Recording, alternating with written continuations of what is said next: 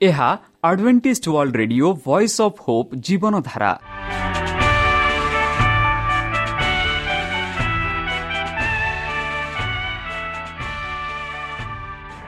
Odia radio କାର୍ଯ୍ୟକ୍ରମ ଯାହା ଆମର ଆନ୍ତର୍ଜାତୀୟ ଆଘାତ କେନ୍ଦ୍ରରୁ ପ୍ରସାରଣ କରାଯାଉଛି ପ୍ରତିଦିନ ରାତି ନଅଟା ତିରିଶ ମିନିଟ୍ରେ। ମୁଁ ସୁବ୍ରତ କୁମାର ପତି ପ୍ରେମର ସହ ଆପଣମାନଙ୍କୁ ଏହି କାର୍ଯ୍ୟକ୍ରମକୁ ସ୍ୱାଗତ କରୁଅଛି। ଚାଲନ୍ତୁ ଆଜିର ତିରିଶ ମିନିଟ୍ର କାର୍ଯ୍ୟକ୍ରମ ବିଷୟରେ ଜାଣିନେବା। ପ୍ରଥମେ ରଖିଛୁ ଆଧ୍ୟାତ୍ମିକ ଭକ୍ତିମୟ ଗୀତ। ଏହାପରେ ଶୁଣିବା ସ୍ୱାସ୍ଥ୍ୟ ବିଷୟରେ ଯାହା ଆମର ଦୈନିକ ଜୀବନରେ ଅତ୍ୟନ୍ତ ଜରୁରୀ। ଆଉ ପରିଶେଷରେ ଶୁଣିବା ପରମେଶ୍ୱରଙ୍କ ଭକ୍ତଙ୍କଠାରୁ ଜୀବନଦାୟକ ଈଶ୍ୱରଙ୍କ ବାକ୍ୟ। ପ୍ରିୟ ଶ୍ରୋତା ତାହେଲେ ଚାଲନ୍ତୁ ଶୁଣିବା ଏକ ଆଧ୍ୟାତ୍ମିକ ଭକ୍ତିମୟ ଗୀତ।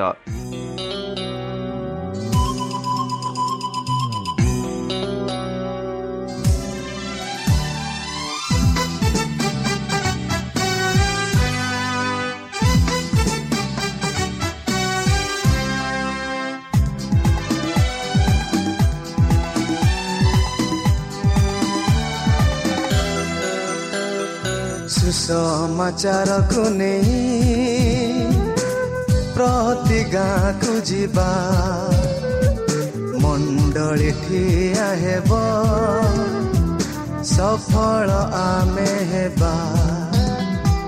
ସୁସମାଚାରକୁ ନେଇ ପ୍ରତି ଗାଁକୁ ଯିବା। ମଣ୍ଡଳୀ ଠିଆ ହେବ ସଫଳ ଆମେ ହେବା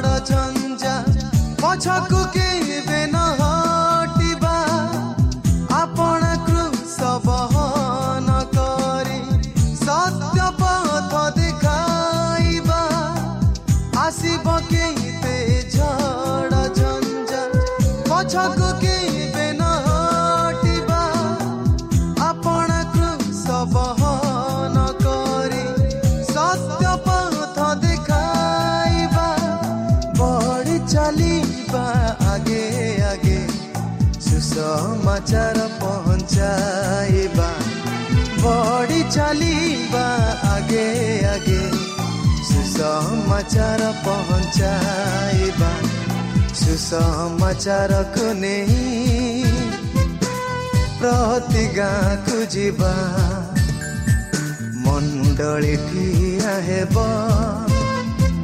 ସଫଳ ଆମେ ହେବା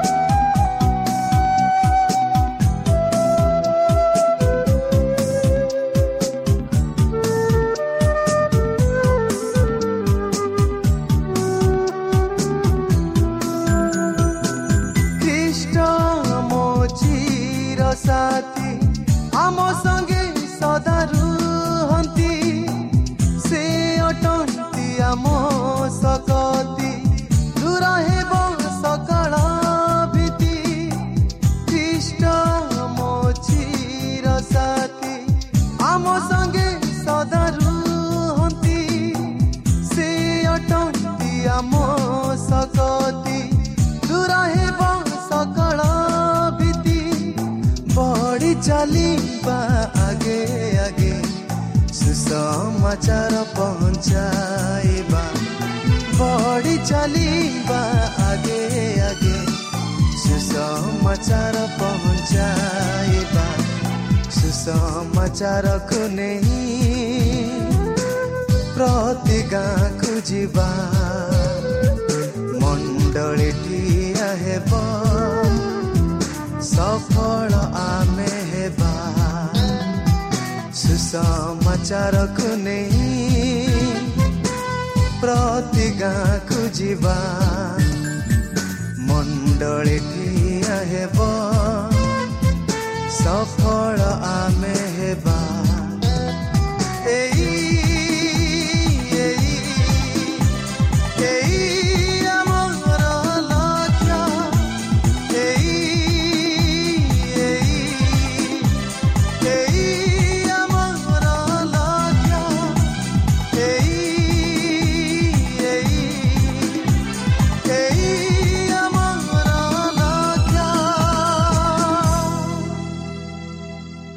শ্রোতা আমি আশা করুছু যে আমার কার্যক্রম আপনার পসন্দ লাগুব আপনার মতামত পাই আমার এই ঠিকার যোগাযোগ করতু আমার ঠিকনা Advantage Media Centre SDA Mission Compound সাি park Pune চারি এক এক শূন্য তিন সাত ମହାରାଷ୍ଟ୍ର।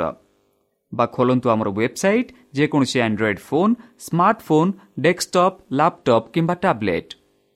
ଆମର website W W W dot A W R dot O R G slash O R I ଏବଂ W W W dot Advantage Media Centre India dot O R G ବର୍ତ୍ତମାନ ଚାଲନ୍ତୁ ଶୁଣିବା ଈଶ୍ୱରଙ୍କ ଭକ୍ତଙ୍କଠାରୁ ଈଶ୍ୱରଙ୍କ ଜୀବନଦାୟକ ବାକ୍ୟ ନମସ୍କାର ପ୍ରିୟ ଶ୍ରୋତା ସେହି ସର୍ବଶକ୍ତି ସର୍ବଜ୍ଞାନୀ ପ୍ରେମର ସାଗର ଦୟାମୟ ଅନ୍ତର୍ଜମୀ ଅନୁଗ୍ରହ ପରମ ପିତାଙ୍କ ମଧୁର ନାମରେ ମୁଁ ପାଷ୍ଟ ପୂର୍ଣ୍ଣଚନ୍ଦ୍ର ଆଉ ଥରେ ଆପଣମାନଙ୍କୁ ଏହି କାର୍ଯ୍ୟକ୍ରମରେ ସ୍ୱାଗତ କରୁଅଛି।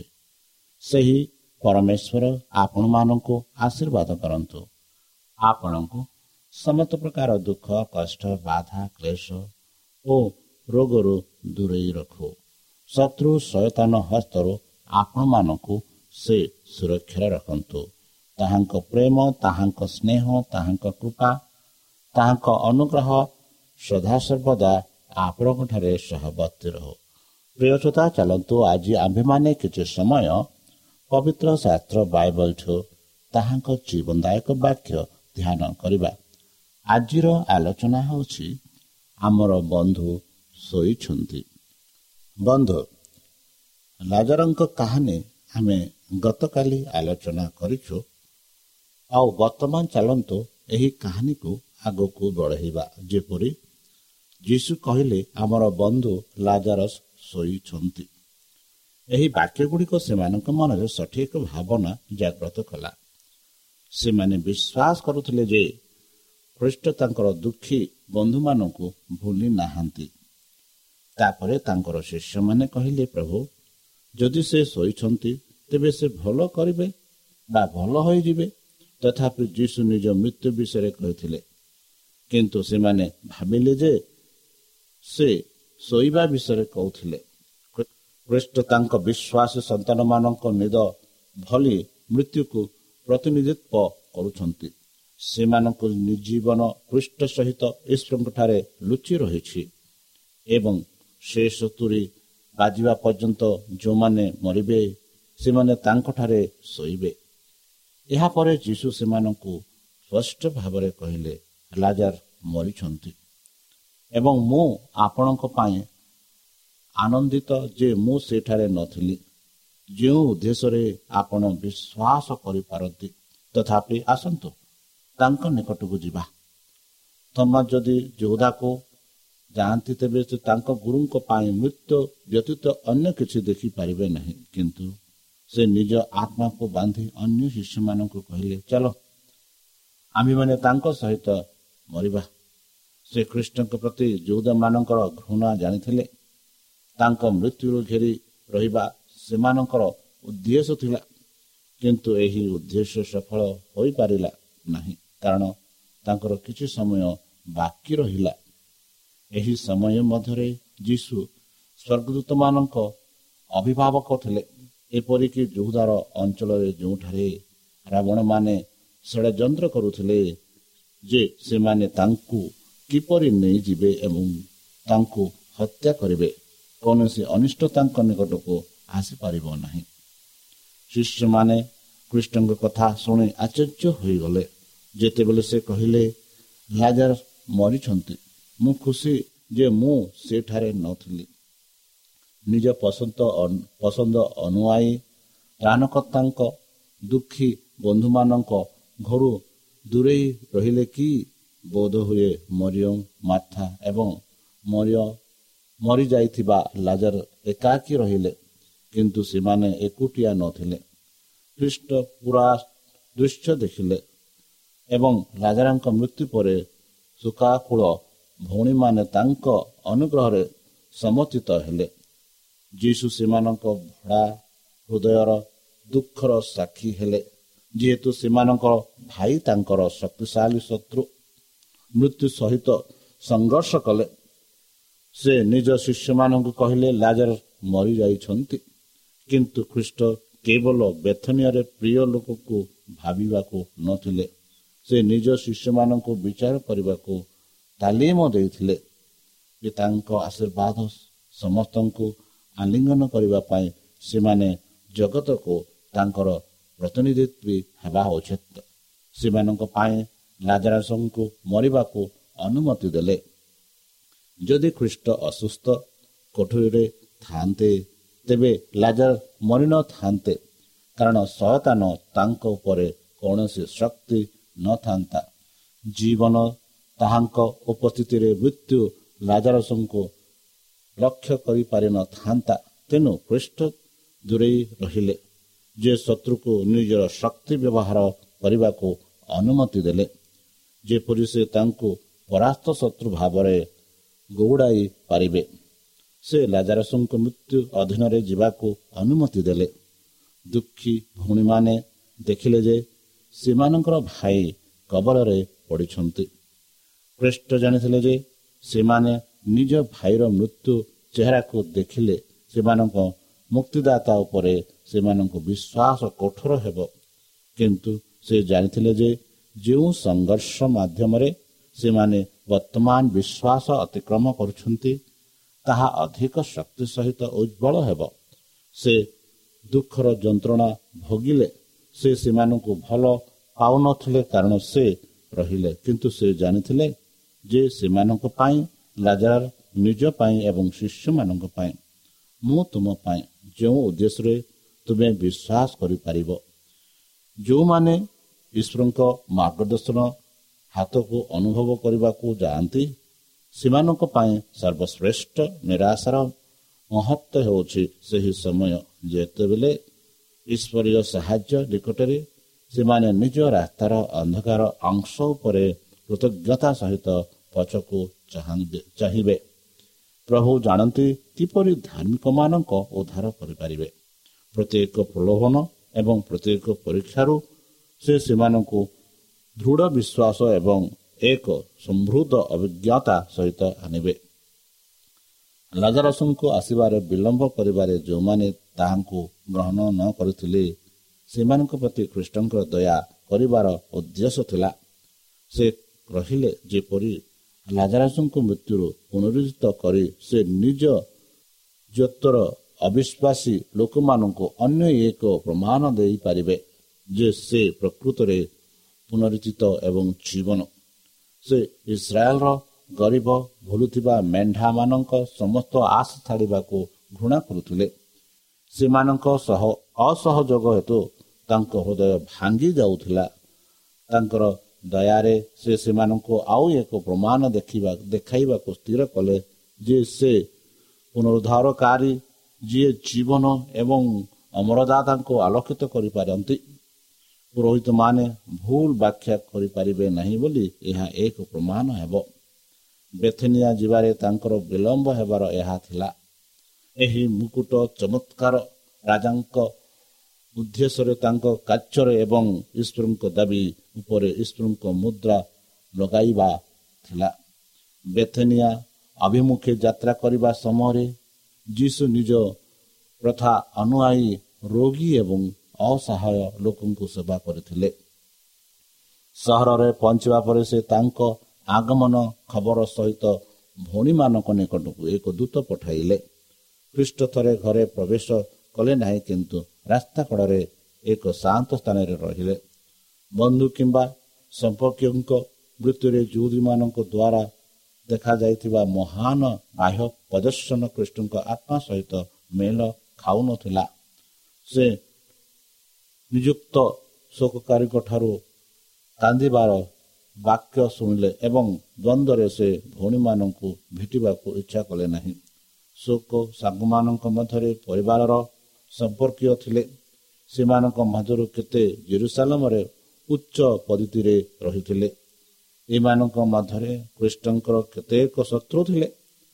ଖ୍ରୀଷ୍ଟ ସେମାନଙ୍କର ଉଦ୍ଦେଶ୍ୟ ଜାଣିଥିଲେ ଏବଂ ସେଥିପାଇଁ ସେ ଥରେ ନିଜକୁ ଜଣାଇଲେ ନାହିଁ।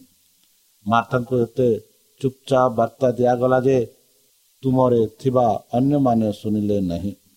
ମରିୟମ ତାଙ୍କ ଦୁଃଖରେ ବାକ୍ୟ ଶୁଣିନଥିଲେ। ଥରେ ଉଠି ମାତା ତାଙ୍କ ପ୍ରଭୁଙ୍କ ଭେଟିବାକୁ ବାହାରକୁ ଗଲେ। କିନ୍ତୁ ଭାବିଲେ ଯେ ସେ ଲାଜାରଙ୍କୁ ସମାଧି ଦିଆଯାଇଥିବା ସ୍ଥାନକୁ ଯାଉଛନ୍ତି। ମରିୟମ ନିଜ ଦୁଃଖରେ ବସିଥିଲେ। କୌଣସି ଚିତ୍କାର କରିନଥିଲେ। ମାଥା ଯୀଶୁଙ୍କ ଭେଟିବାକୁ ଶୀଘ୍ର କରେ ବିଦାୟୀ ଭାବନା ଦ୍ୱାରା ତାଙ୍କ ହୃଦୟର ଉତ୍ତେଜିତ। ତାଙ୍କର ଭାବପ୍ରବଣ ଚେରାରେ ସେ ସମାନ କୋମଳତା ଏବଂ ପ୍ରେମ ପଢ଼ିଥିଲେ ଯାହା ସର୍ବଦା ସେଠାରେ ଥିଲା ତାଙ୍କ ଉପରେ ତାଙ୍କର ଆତ୍ମବିଶ୍ୱାସ ଅବିସ୍ମରଣୀୟ ଥିଲା କିନ୍ତୁ ସେ ତାଙ୍କର ଅତି ପ୍ରିୟ ଭାଇ ବିଷୟରେ ଭାବିଲେ ଯାହାକୁ ଯୀଶୁ ମଧ୍ୟ ଭଲ ପାଉଥିଲେ। ତାଙ୍କ ହୃଦୟରେ ଦୁଃଖ ବୁଝିବା ସହିତ ଖ୍ରୀଷ୍ଟ ପୂର୍ବରୁ ଆସିନଥିଲେ। ତଥାପି ଆଶା କରି କରି ସେ ବର୍ତ୍ତମାନ ସୁଦ୍ଧା ସେମାନଙ୍କୁ ସ୍ୱାନ୍ତନା ଦେବା ପାଇଁ କିଛି କରିବେ ବୋଲି ସେ କହିଥିଲେ। ପ୍ରଭୁ ଯଦି ଆପଣ ଏଠାରେ ଥାଆନ୍ତେ ମୋର ଭାଇ ମରିନଥାନ୍ତେ ଏହିପରି ମାଥା କହିଥିଲେ। ବାରମ୍ବାର ଶୋକକାରୀଙ୍କ ଦ୍ୱାରା ହୋଇଥିବା ଉତ୍ତେଜନା ମଧ୍ୟରେ ଭଉଣୀମାନେ ଏହି ବାକ୍ୟ ଗୁଡ଼ିକ ପୁନର୍ବୁଦ୍ଧିତ କରିଥିଲେ। ମନୁଷ୍ୟ ଏବଂ ଈଶ୍ୱର ଦୟା ସହିତ ଯୀଶୁ ତାଙ୍କ ଦୁଃଖୀ ଯତ୍ନଶୀଳ ମୁହଁକୁ ଚାହିଁଲେ।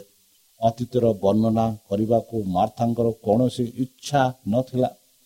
ସମସ୍ତେ ଦୁଃଖଦାୟକ ବାକ୍ୟ ଦ୍ୱାରା ପ୍ରକାଶିତ ହୋଇଥିଲେ। ପ୍ରଭୁ ଯଦି ଆପଣ ଏଠାରେ ଥାଆନ୍ତେ ମୋର ଭାଇ ମରିନଥାନ୍ତେ।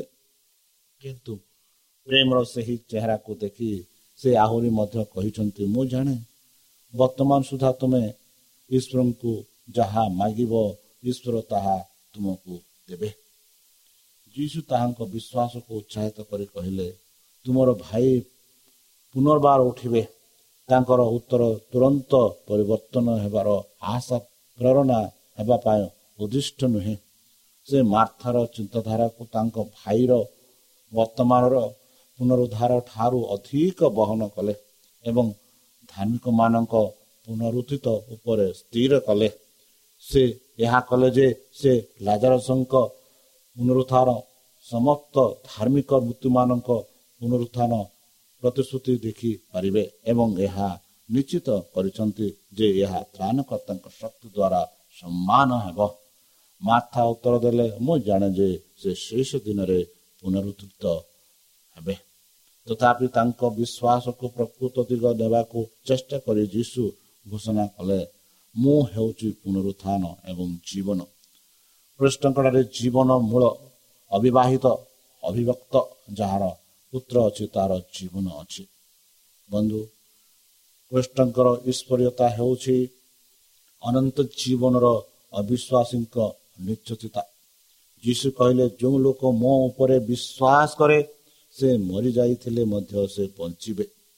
ଯିଏ ମୋ ଠାରେ ବାସ କରେ ଓ ବିଶ୍ୱାସ କରେ ସେ କଦାପି ମରିବ ନାହିଁ। ପୃଷ୍ଠଠାରେ ତାଙ୍କର ଦ୍ୱିତୀୟ ଆସିବାର ସମୟକୁ ଅପେକ୍ଷା କରନ୍ତି। ତାପରେ ଧାର୍ମିକ ମୃତ୍ୟୁମାନେ ଅକ୍ଷୟ ଭାବରେ ପୁନରୁଦ୍ଧିତ ହେବେ ଏବଂ ଜୀବନ୍ତ ଧାର୍ମିକମାନେ ମୃତ୍ୟୁକୁ ନ ଦେଖି ସ୍ୱର୍ଗକୁ ଅନୁବାଦ କରିବେ। ଖ୍ରୀଷ୍ଟ ଯେଉଁ ଚମତ୍କାର କରିବାକୁ ଯାଉଥିଲେ ଲାଜାରଂଶକୁ ମୃତ୍ୟୁରୁ ପୁନରୁଦ୍ଧିତ କରିବା ସମସ୍ତ ଧାର୍ମିକ ମୃତ୍ୟୁମାନଙ୍କର ପୁନରୁତ୍ଥାନ ପ୍ରତିପାଦିତ କରିବା। ତାଙ୍କ ବାକ୍ୟ ଏବଂ କାର୍ଯ୍ୟ ଦ୍ୱାରା ସେ ନିଜକୁ ପୁନରୁଦ୍ଧିତ ଲେଖକ ବୋଲି ଘୋଷଣା କଲେ।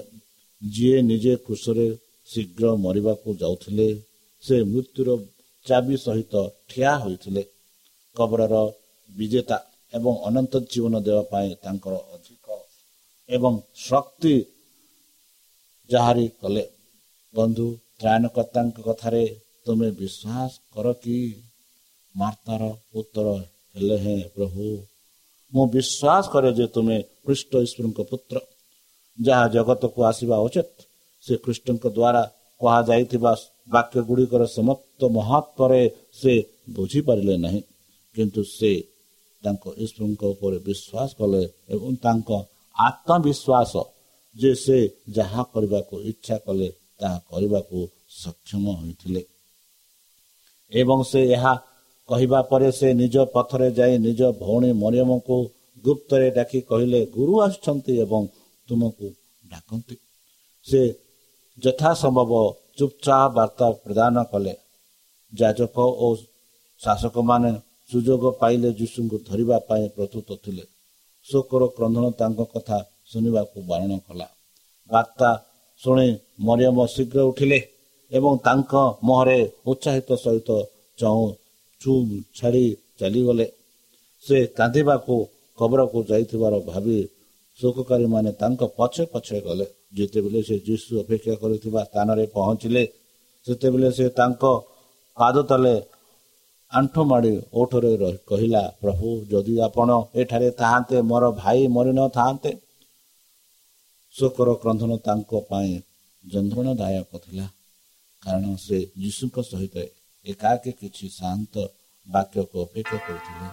କିନ୍ତୁ ସେ ଜାଣିଥିଲେ ଯେ ଖ୍ରୀଷ୍ଟଙ୍କ ବିରୁଦ୍ଧରେ ଉପସ୍ଥିତ ଥିବା ଲୋକଙ୍କ ହୃଦୟରେ ଈର୍ଷା ଏବଂ ଈର୍ଷା ବିଷୟରେ ସେ ଜାଣିଥିଲେ ଏବଂ ତାଙ୍କ ନିଜ ଦୁଃଖକୁ ସମ୍ପୂର୍ଣ୍ଣ ରୂପେ ପ୍ରକାଶ କରିବାକୁ ବାରଣ କରାଯାଇଥିଲା ବନ୍ଧୁ ଯୀଶୁ ପ୍ରଭୁ ହେଉଛନ୍ତି ଏହି ତ୍ରାଣକର୍ତ୍ତା ଏହି ଜଗତର ତ୍ରାଣକର୍ତ୍ତା ତାଙ୍କ ହସ୍ତରେ କିଛି ଅସମ୍ଭବ ନୁହେଁ ସବୁ କିଛି ସମ୍ଭବ ହୁଏ ଯଦି କେହି ତାହାଙ୍କଠାରେ ବିଶ୍ୱାସ କରିଛି ଆଉ ସେ ବିଶ୍ୱାସରେ ମୃତ୍ୟୁବରଣ ହେଉଛି ନିଶ୍ଚିତ ରୂପେ ସେ ଜୀବିତ ହେବେ ତାହେଲେ ପ୍ରିୟ ଶ୍ରୋତା ଚାଲନ୍ତୁ ଆମେ ସେହି ସଦା ପ୍ରଭୁ ପରମେଶ୍ୱରଙ୍କଠାରେ ନିଜକୁ ସମର୍ପଣ କରି ତାହାଙ୍କ ମଧୁର ନାମରେ ଆମେ ପ୍ରାର୍ଥନା ଉଚ୍ଚକ କରିବା। ହେ ଆମ୍ଭମାନଙ୍କ ସର୍ବଶକ୍ତି ସର୍ବଜ୍ଞାନୀ ପ୍ରେମର ସାଗର ଦୟାମୟ ଅନ୍ତର୍ଜମୀ ଅନୁଗ୍ରହ ପିତା ଧନ୍ୟବାଦ ଅର୍ପଣ କରିଅଛୁ ପ୍ରଭୁ ବର୍ତ୍ତମାନ ଯେଉଁ ବାକ୍ୟ ତୁମ ସେହି ଭକ୍ତଙ୍କ ଦ୍ୱାରା ଶୁଣାଇଲେ ସେହି ବାକ୍ୟ ଅନୁସାରେ ଏମାନଙ୍କୁ ଛାଡ଼ିବା ପାଇଁ ରହିବା ପାଇଁ ବୁଦ୍ଧିରେ ଜ୍ଞାନରେ ଶକ୍ତିରେ ପରିପୂର୍ଣ୍ଣ କର। ଆମ ପାପ ସବୁ ତୁମ ସେହି ବହୁମୂଲ୍ୟ ରକ୍ତରେ ପରିଷ୍କାର କରି ଧୋଇ ଦିଅ। ଆଉ ପରିଶେଷ ଯେବେ ତୁମେ ତୁମ ସେହି ସହସ୍ରଦୂତଙ୍କ ସହ ଆପଣା ସାଧୁମାନଙ୍କୁ ସଂଗ୍ରହ କରିବା ନିମନ୍ତେ ଆସିବେ ହେ ପରମେଶ୍ୱର ସେତେବେଳେ ଆମମାନଙ୍କୁ ଏକ ବାସ ସ୍ଥାନ ଦେବ ବୋଲି ତ୍ରାଣକର୍ତ୍ତା ପ୍ରଭୁ ଯୀଶୁଙ୍କ ମଧୁରମୟ ନାମରେ ଏହି ଛୋଟ ବିକ୍ଷମ ଅଛି ଶୁଣି ଗ୍ରହଣ କର। ଆମେ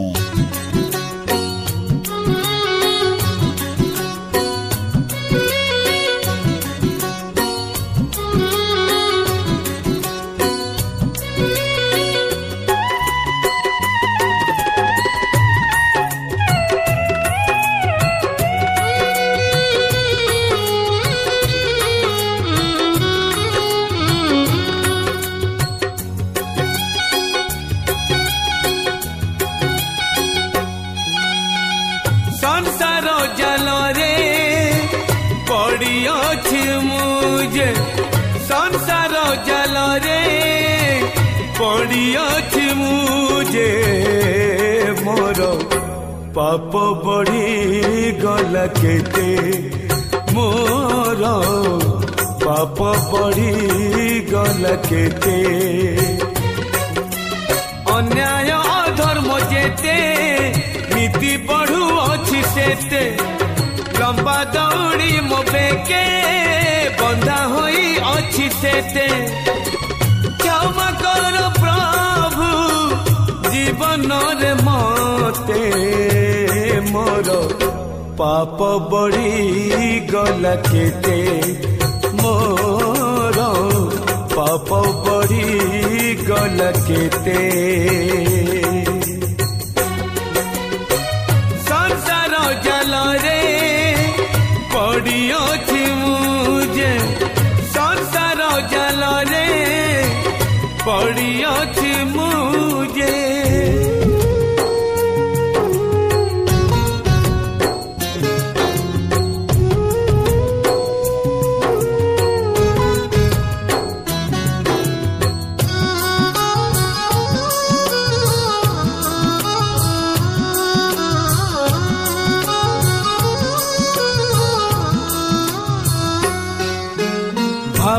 ভুলি দিনে গর্ব অভিমানে সঞ্চয় করি বিধন জন যৌবন বিনা পরিত্রাণ ভাবনা তো শূন্য মূল্যহীন হই এ সংসারে দিনে না দিনে বিলীন তুমঠারে অছি যে ধন প্রভু কর মতে তুমি দান ଆଜି ଏ ତୃଷିତ ପ୍ରଭୁ ଧରି ତୁମ ଶ୍ରୀଚରଣ ପ୍ରଭୁ ଧରି ତୁମ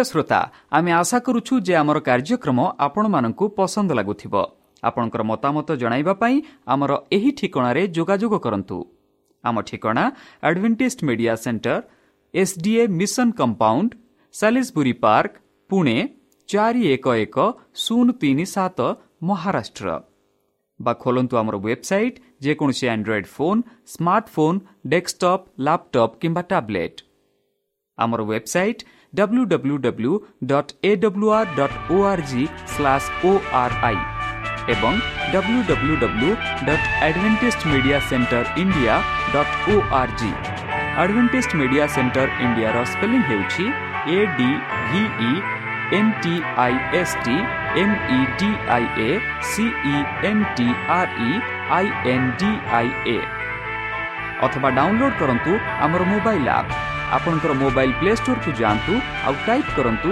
ଦ ଭଏସ୍ ଅଫ୍ ପୋପ୍ ଆଉ ଡାଉନଲୋଡ୍ କରନ୍ତୁ। ଈଶ୍ୱର ଆପଣଙ୍କୁ ଆଶୀର୍ବାଦ କରନ୍ତୁ। ଧନ୍ୟବାଦ।